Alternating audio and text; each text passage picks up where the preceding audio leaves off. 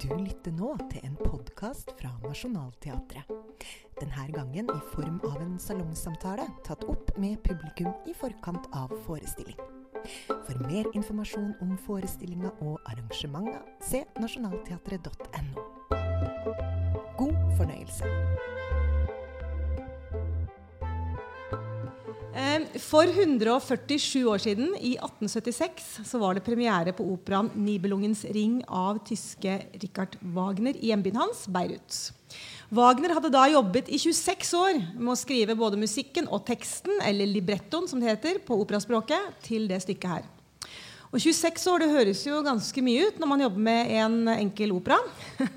Men denne operaen, som når den spilles i sin helhet, den varer altså i 15 timer. Eh, og der skal alt fra guder, halvguder og mennesker i mange slags dramatiske og intrikate familierelasjoner til hverandre kjempe om makt og en ring eh, laget av gull som er hentet fra Rinens bunn. Og nå i kveld så skal dere se dette verket i form av teater her på Kanonhallen i Oslo. Og det teaterstykket varer i bare to timer. Så vi skal snart høre om hvordan dette er mulig.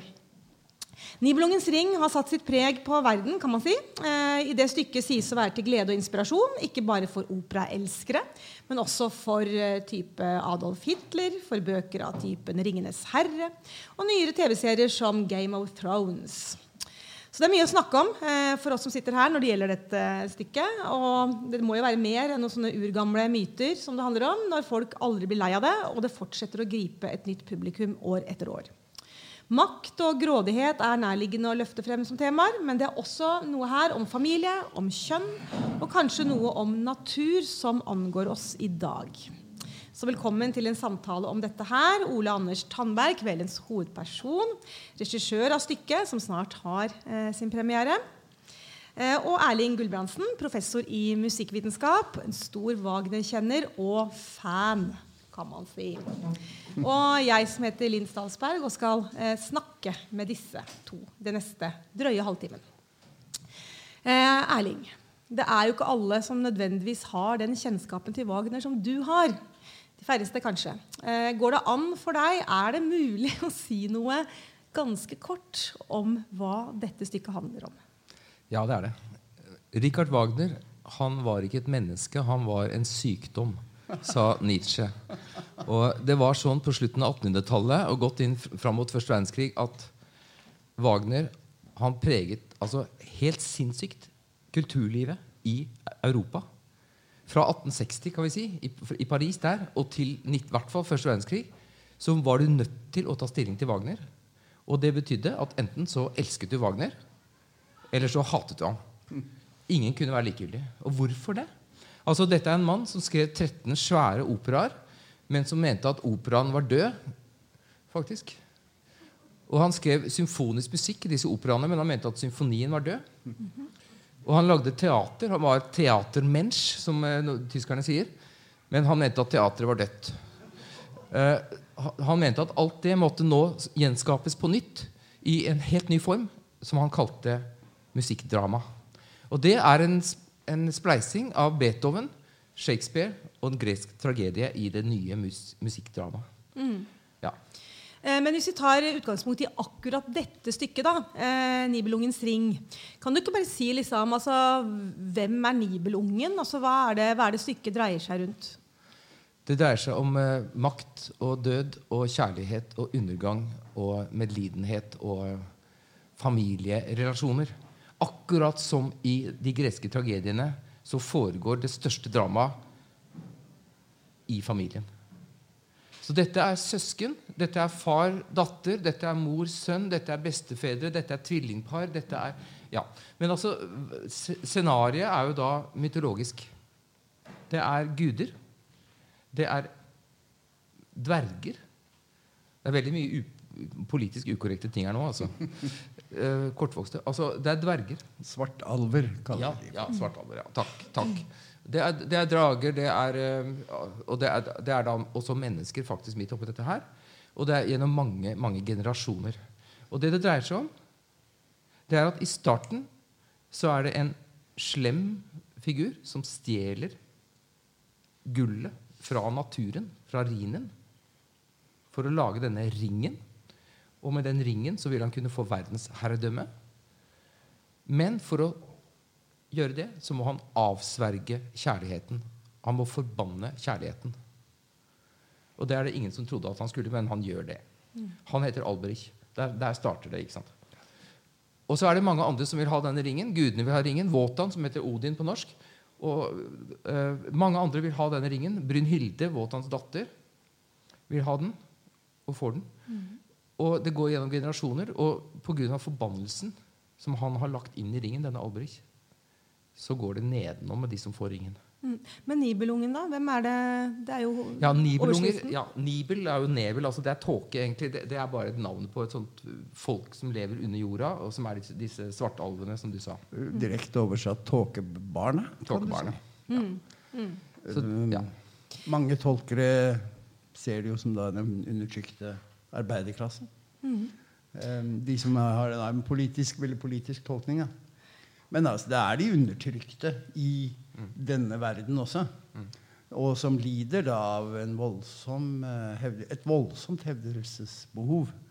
Og, og eh, lengsel etter å få nyte av eh, fruktene på de rike spor.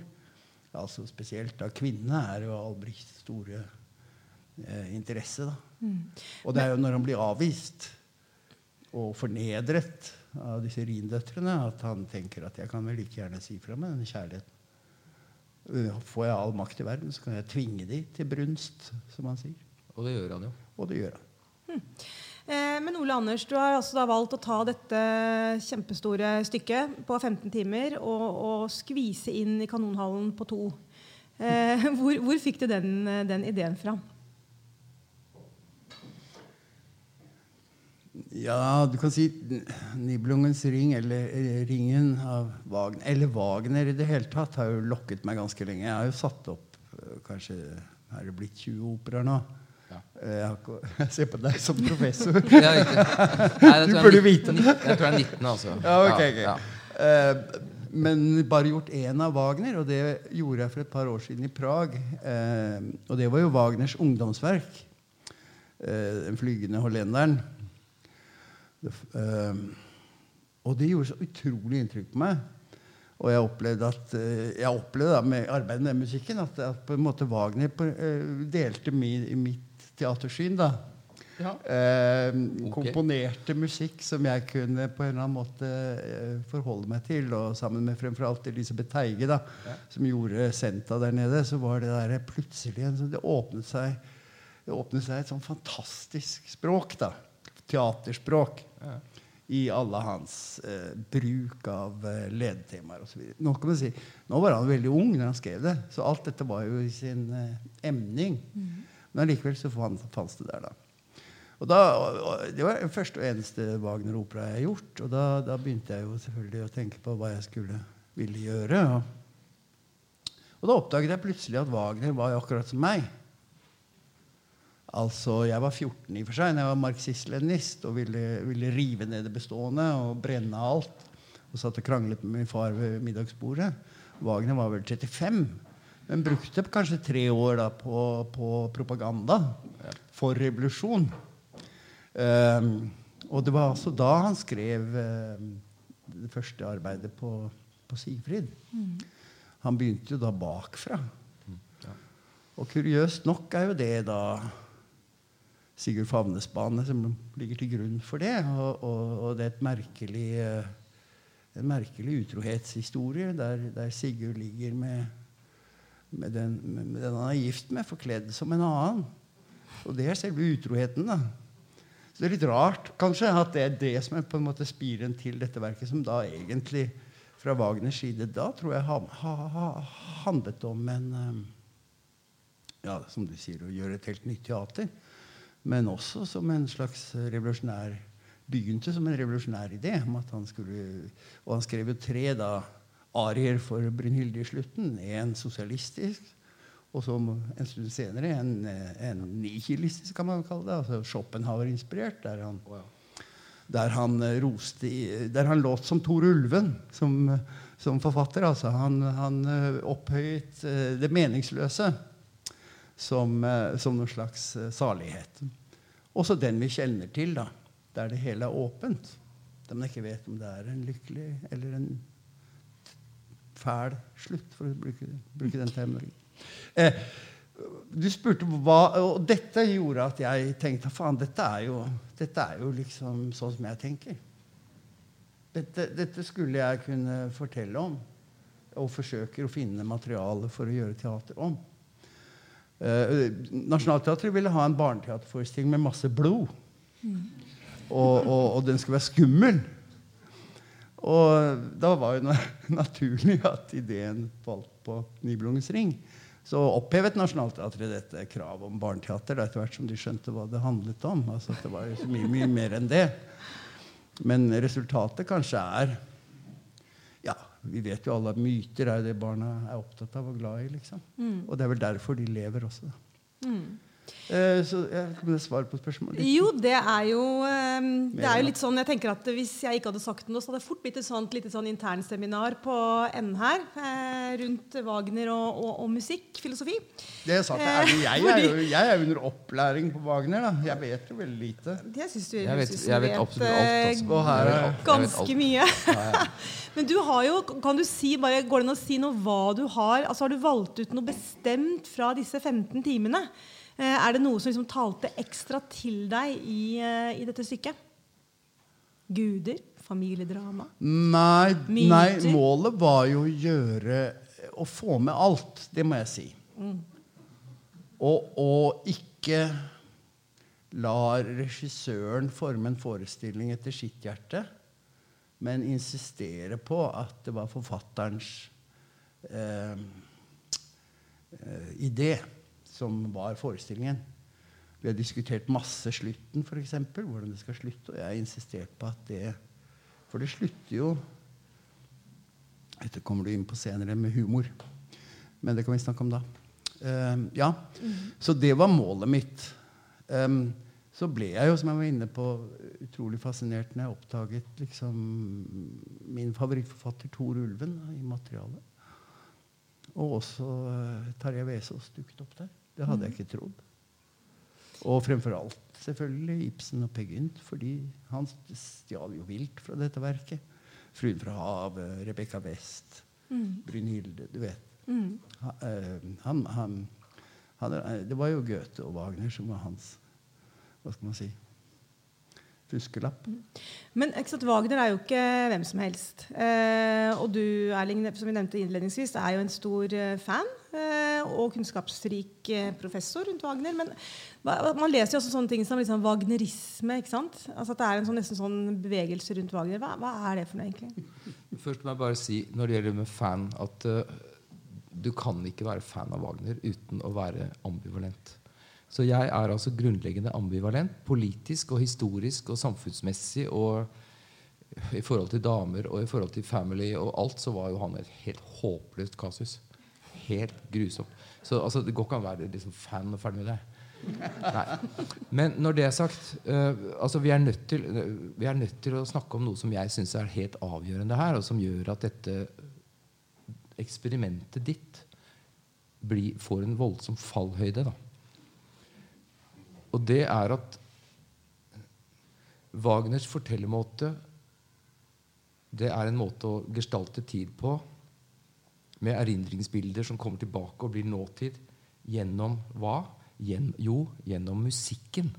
Det er orkesteret. Orkestermelodien. Orkesterstemmen, das wissende orkester, som forteller hos Wagner.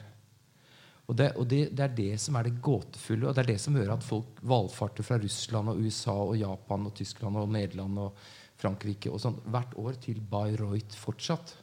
Det er at de blir på en eller annen måte berørt og grepet av musikkens stemme. Og Wagner skaper jo da dette musikalske universet hvor det er ledemotiver som blander fortid og nåtid. Når, når ledemotivene spiller opp, så er fortiden plutselig der. Altså, så det er Walter Benjamin har sagt et eller annet sted at uh, når du står i en uventet livsfare, da kan erindringen skyte opp. Og fortiden blir her, nå. I Wagners musikk så er det akkurat som fortiden blir nærvær. Og det skjer i orkesteret. Det skjer ikke egentlig i teksten, det skjer ikke i replikkene, det skjer ikke i, mellom karakterene og personene. Det skjer ikke i teatret. Det skjer i musikken. Så den orkestermelodien, den er fortellermåten hans. Og gjennom 15 timer så, så henger dette sammen. Da. Men det er paradoksalt. Det er gåtefullt. Du har glemt hva du egentlig kjenner igjen. Du, du skjønner ikke hvorfor det griper deg, men det, det ligger der på dypet et eller annet sted. Alt det der. Og det er fallhøyden. fordi med all respekt, altså det er kjempegøy. Jeg, er ikke her som kritiker av det. Er jeg, jeg, jeg, så, jeg så det i går her inne. Men jeg skal ikke være anmelder i det hele tatt, for det er ikke tid og sted. Men det er jo ikke orkester her. Det er noen snutter. Og da er det ikke Wagner. Dette er, dette er teater. Dette er Ole Anders Tandberg. Det er Nationaltheatret. Men dette er ikke Kan jeg si det? Kan jeg si det rett ut? Det er. Dette er ikke Wagner. Ja, Da tok jo samtalen en interessant eh, vending, vil jeg si. I og med at jeg tenkte vi skulle snakke litt mer om han. Eh, og det skal vi. fordi jeg tenker at For mange av oss som ikke er sånne store Wagner-kjennere, så er det liksom én ting som, som renner meg i huet når jeg tenker på Wagner, og det er Hitler. Ikke sant? Det er den der pompøse musikken og Hitlers fascinasjon for Wagner. Og de diskusjonene som har vært rundt Wagner om hvorvidt altså F.eks. i Israel så er han ikke sånn spesielt populær eh, komponist. ikke sant? Eh, av, av opplagte grunner.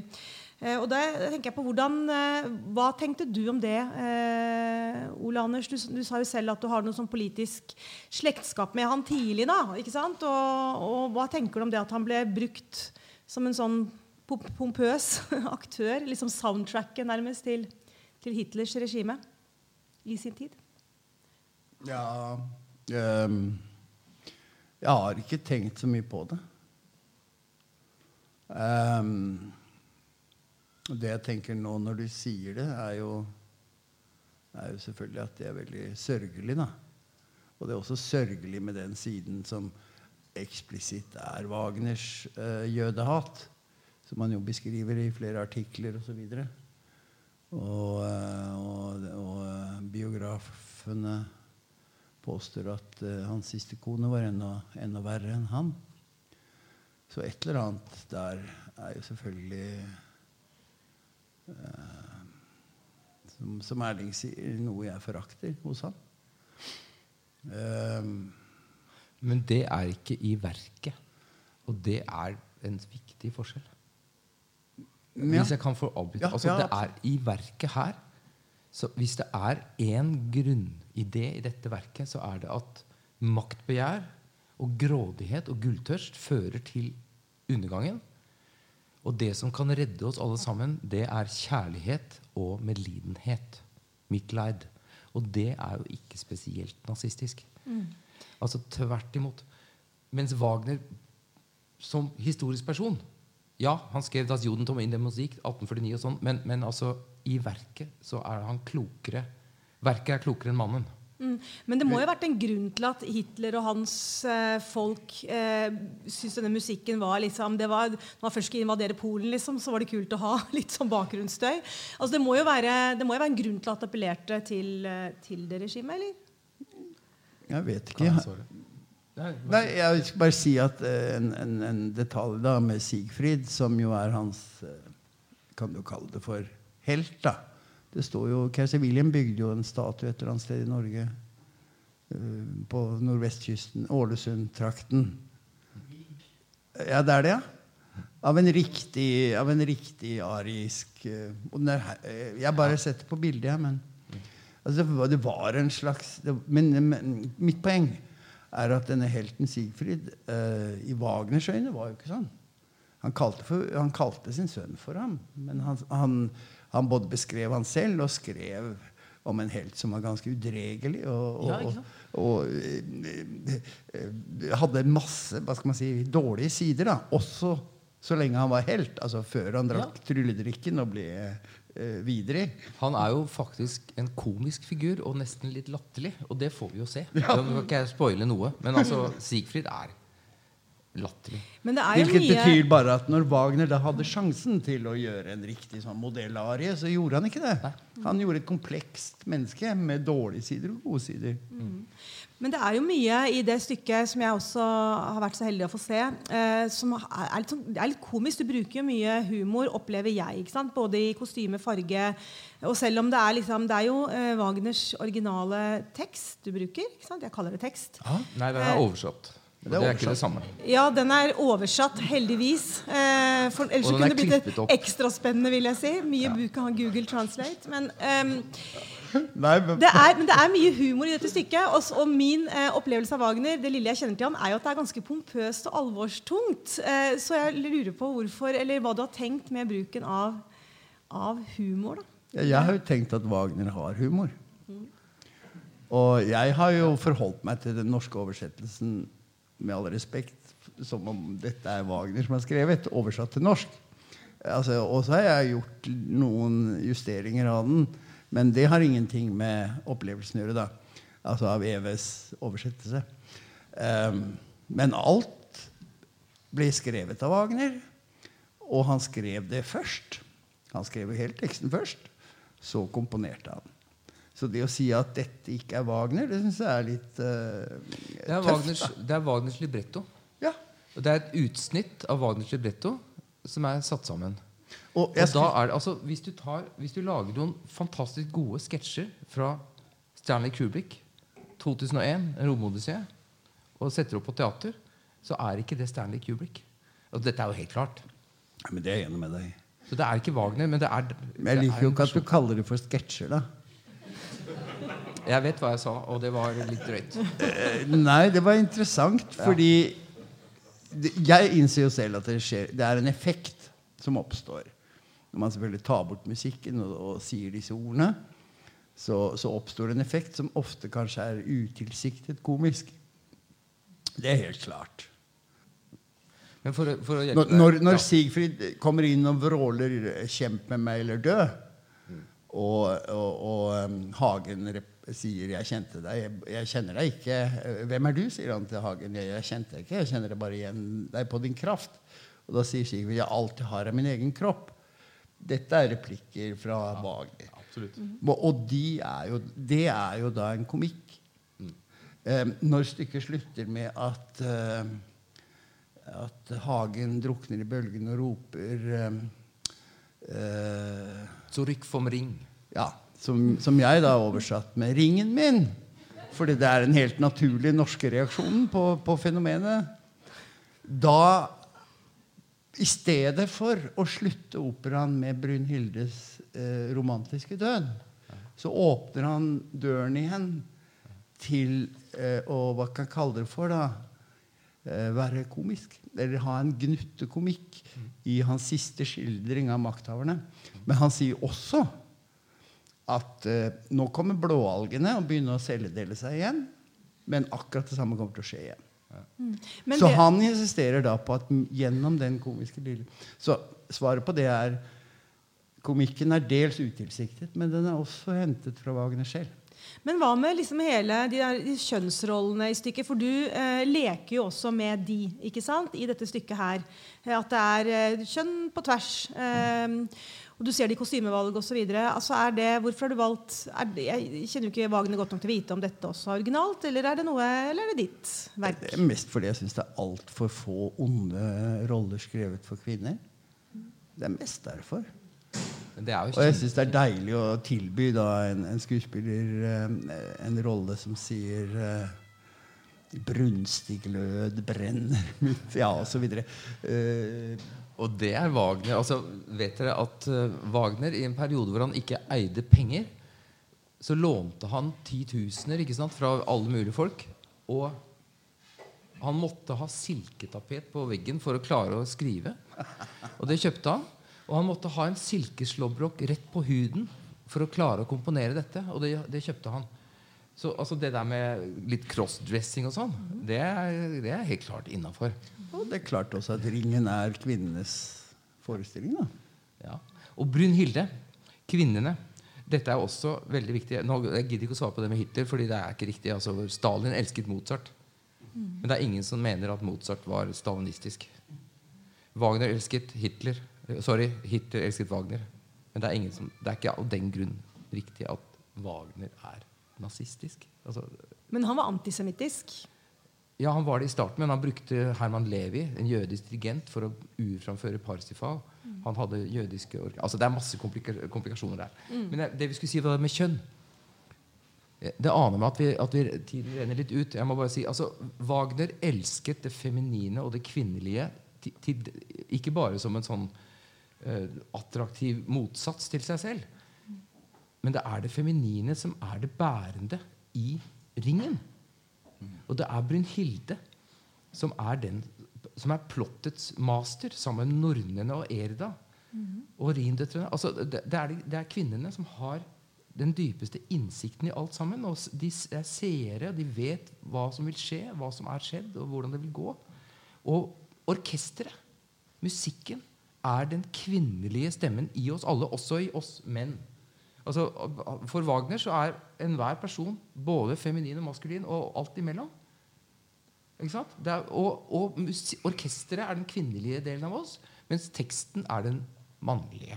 Og uh, Sigelindes eh, velsignelse da, når hun velsigner Brynhilde for at hun har gjort henne oppmerksom på at hun er gravid med sin bror, tvillingbror, med Sigfrid.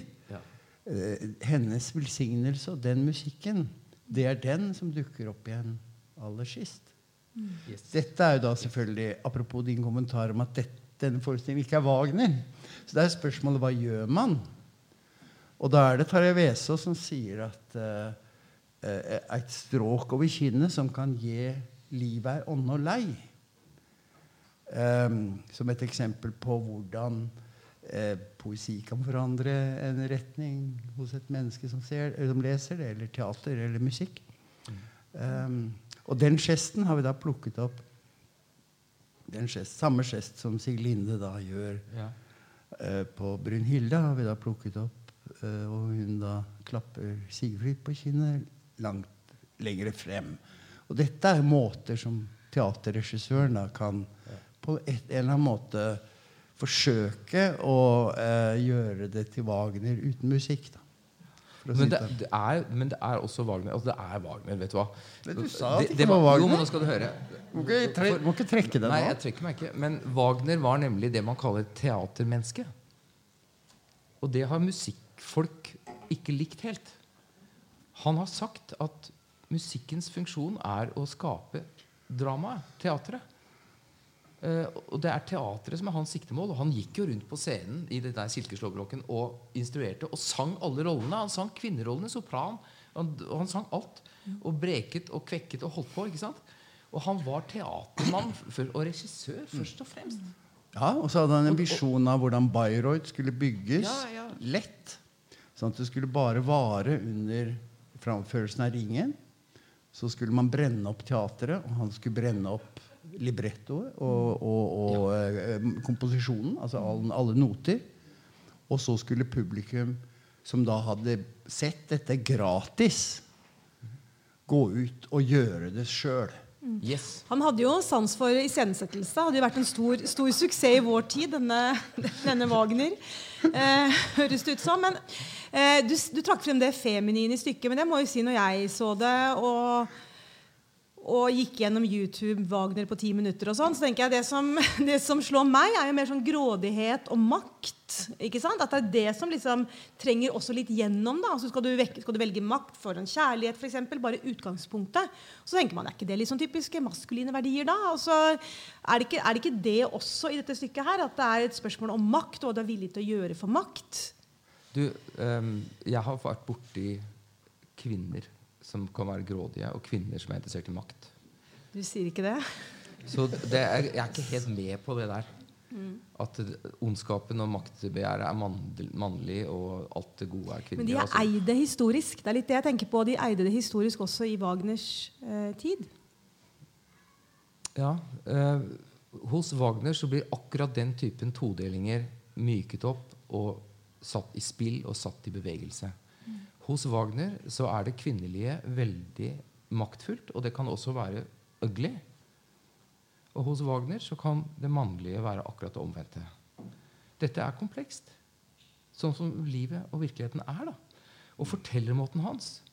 Det er også det at jeg vet ikke, altså Når jeg sier dette med ikke Wagner altså Det er ikke meningen å krenke noen her. da men det, det er jo e- egentlig også faktisk et kompliment, fordi du har skapt ditt eget verk. Ikke sant? Det, er, det ligger jo også det i det. Men, men fortellermåten til Wagner er jo sånn at det, det er så merkelig teater. Det er jo sikkert du er enig i. Altså, saken er at det, teater er jo kjent for å være scener i nåtid. Men hos Wagner så er det så utrolig mye gjenfortelling av fortid. Sånn, og som Nietzsche sa da, Nietzsche elsket først Wagner, og så hatet han etterpå. Apropos ambivalens. Eh, Nietzsche sier at først så skal Wagner vise oss hva som skjer. Og så etterpå, når du nettopp har sett det, så skal han gjenfortelle. Da er det en annen som står på scenen og gjenforteller det du nettopp har sett. I det uendelige. Og sånn var jo Wagner sjøl. Han snakket i, uten stans om seg selv og sine egne ideer. Og når han var ferdig, så begynte han på nytt og gjenfortalte det han nettopp hadde sagt. Og det gjør han også på scenen. Så det er jo ikke nåtids... Og det, det gjør han også ved hjelp av musikken. Så på en måte så er det merkverdig teaterform. Men hvis man skal trekke liksom budskapet, sånn som du også har gjort tidligere, altså i andre stykker, inn i samtidsdebatten da.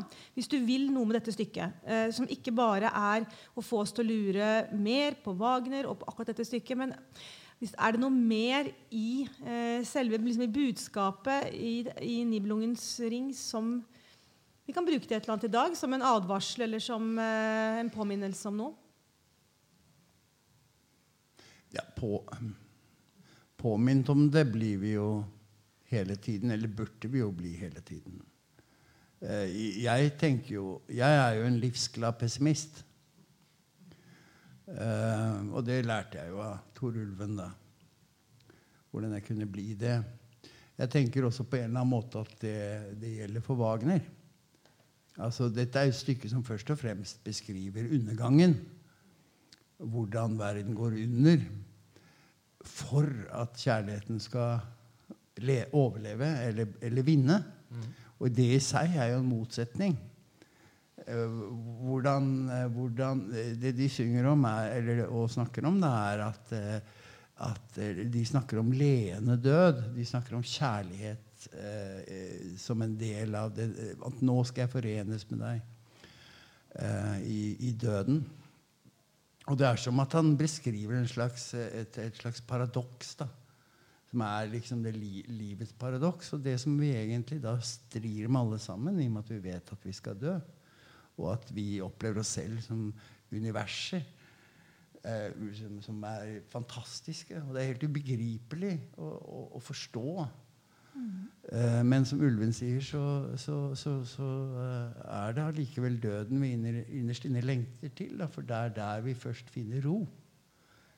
Problemet er at vi har ikke lenger sanseapparat til å oppleve den roen. Og dette dilemmaet er livets dilemma. Eh, det eneste ulven tilbyr, er å formulere seg rundt det her. Og det tenker jeg er det som Wagner gjør. da. Og han formulerer seg sånn at vi kan sitte med det i 14 timer om vi, om vi har eh, Nå er det jo ikke da gratis, sånn som han ville at det skulle være. Men når den blir spilt, så kan vi gå dit og få denne kan man si, kontakten med dette dilemmaet. Og, og, og, og vårt behov for trøst, det er utømmelig. Mm. Og da får vi det.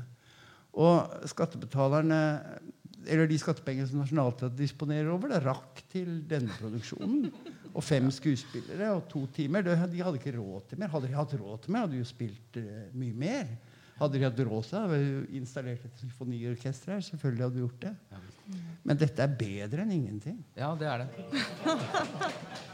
Hør, hør. Vi får jo gå, over for å lage en sånn GoFundMe-side og få, få 14 timer til. Ehm, jeg tenker på her, dette her valget mellom makt og kjærlighet som du nå sa noe om på sånn individuelt plan. Hvis man løfter det til et sånn politisk plan, da, så er ikke liksom det er det ikke det vi lever i? Hvis vi, hvis vi utvider kjærligheten til å handle om noe mer enn bare romantisk kjærlighet. Altså kjærlighet til natur, kjærlighet til jordkloden, kjærlighet til alt annet som lever, som ikke er menneskelig også. Eh, og så ser vi hvordan verden utspiller seg, så, vis, så kan det jo se ut som eh, at makt får en viss forrang eh, foran kjærligheten, i hvert fall på et politisk plan, om vi individuelt kjenner det annerledes.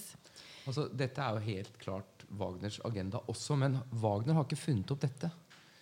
Han, han bruker jo den eldre Edda og gamle norrøne myter, som dere vet. Og det er jo, det er jo den visdommen, hvis man kan si det, som han øser av. Og noe av det som ligger i bånn der, og som har ligget i bånn i disse mytene i 2000-3000 år, det er at hvis man overskrider sine grenser, hvis menneskene overskrider sine grenser og utplyndrer naturen, så ødelegger det seg selv. Og det er jo rindøtrene og naturen som nå plyndres i denne operaen. Og så blir det pga. grådighet og kortsiktighet. Og det er jo rett inn i en agenda med naturtap og artsdød og klimaendringer og alt det der. Det passer akkurat. Hvis man, hvis man leser sluttsidene i partituret til Ragnarok, altså Götterdämmerung, så skriver jo Wagner inn da, Han var jo kontrollfrik også. Han skriver inn nøyaktig hva som skal skje på scenen. Det er bare at I 1876 så kunne de, de kunne ikke få til noe sånt på scenen. Det, det man skal se på scenen, det er at Rhinen flommer over sine bredder og dekker hele denne sant? Hele godset der. Og samtidig ser man i himmelen at gudene sitter forsamlet rundt eikebordet, hvor verdens asketreet brenner. Og, og Wotan sitter urørlig og brenner opp sammen med alle gudene som går under. Og så reiser Sigfrids hånd seg fra asken på, bålet, hvor Brynhilde rir inn på en hvit hest og ofrer seg. Og ringen Og da styrter Hagen fram og sier dette med 'min ring'. ikke ringen min Og så skal samtidig Rindøtrene, som alltid skal være nakne, da, men det har de ikke gjort i Tyskland, dessverre, eh, på scenen. De har gjort det i England for øvrig, men de er jo noe for seg sjøl. Eh, altså, Men jeg møtte en som hadde svømt naken i Bayreuth. ja da. Ja. Det forekommer. Eh, Forrige sjefen Det stemmer. Ja, det var Peter Hall sin oppsetning. Ja. Men whatever, eh, vi, skal ikke henge oss opp i dette. Um, Ole Anders. Men, men altså det, alt det som skal, Og så kommer de opp, og så griper de da ringen. Da. Hvordan skal du få til det på scenen? Og det forteller han i musikken. Vi rakk jo ikke gjennom dette med populærkultur, men når du beskriver nå, så tenker jeg det er, jeg, jeg kan forstå liksom at hele den Game of Thrones-serien har latt seg inspirere av disse, dette voldsomme storslagene. For der Is og ild og flom og alt. Ja.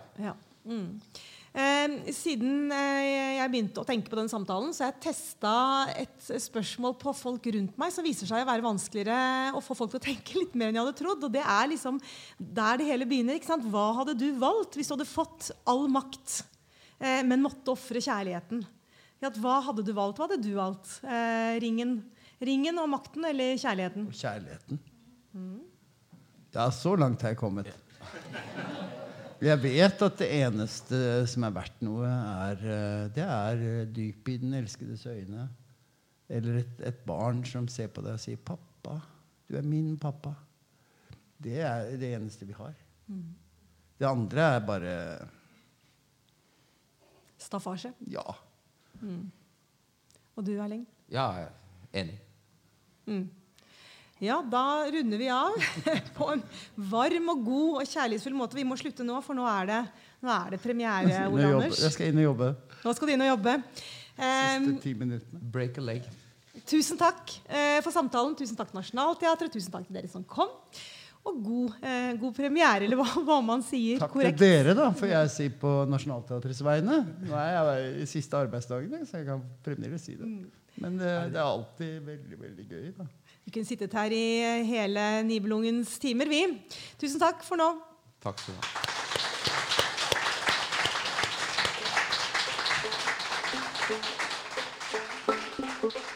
Takk for at du hørte på denne podkasten fra Nationaltheatret. For billetter og mer informasjon om forestillinger og arrangementer, se nasjonalteatret.no. Og følg oss gjerne også på sosiale medier for å se alt det kule som skjer bak og rundt scenen. Håper vi ses i teatret.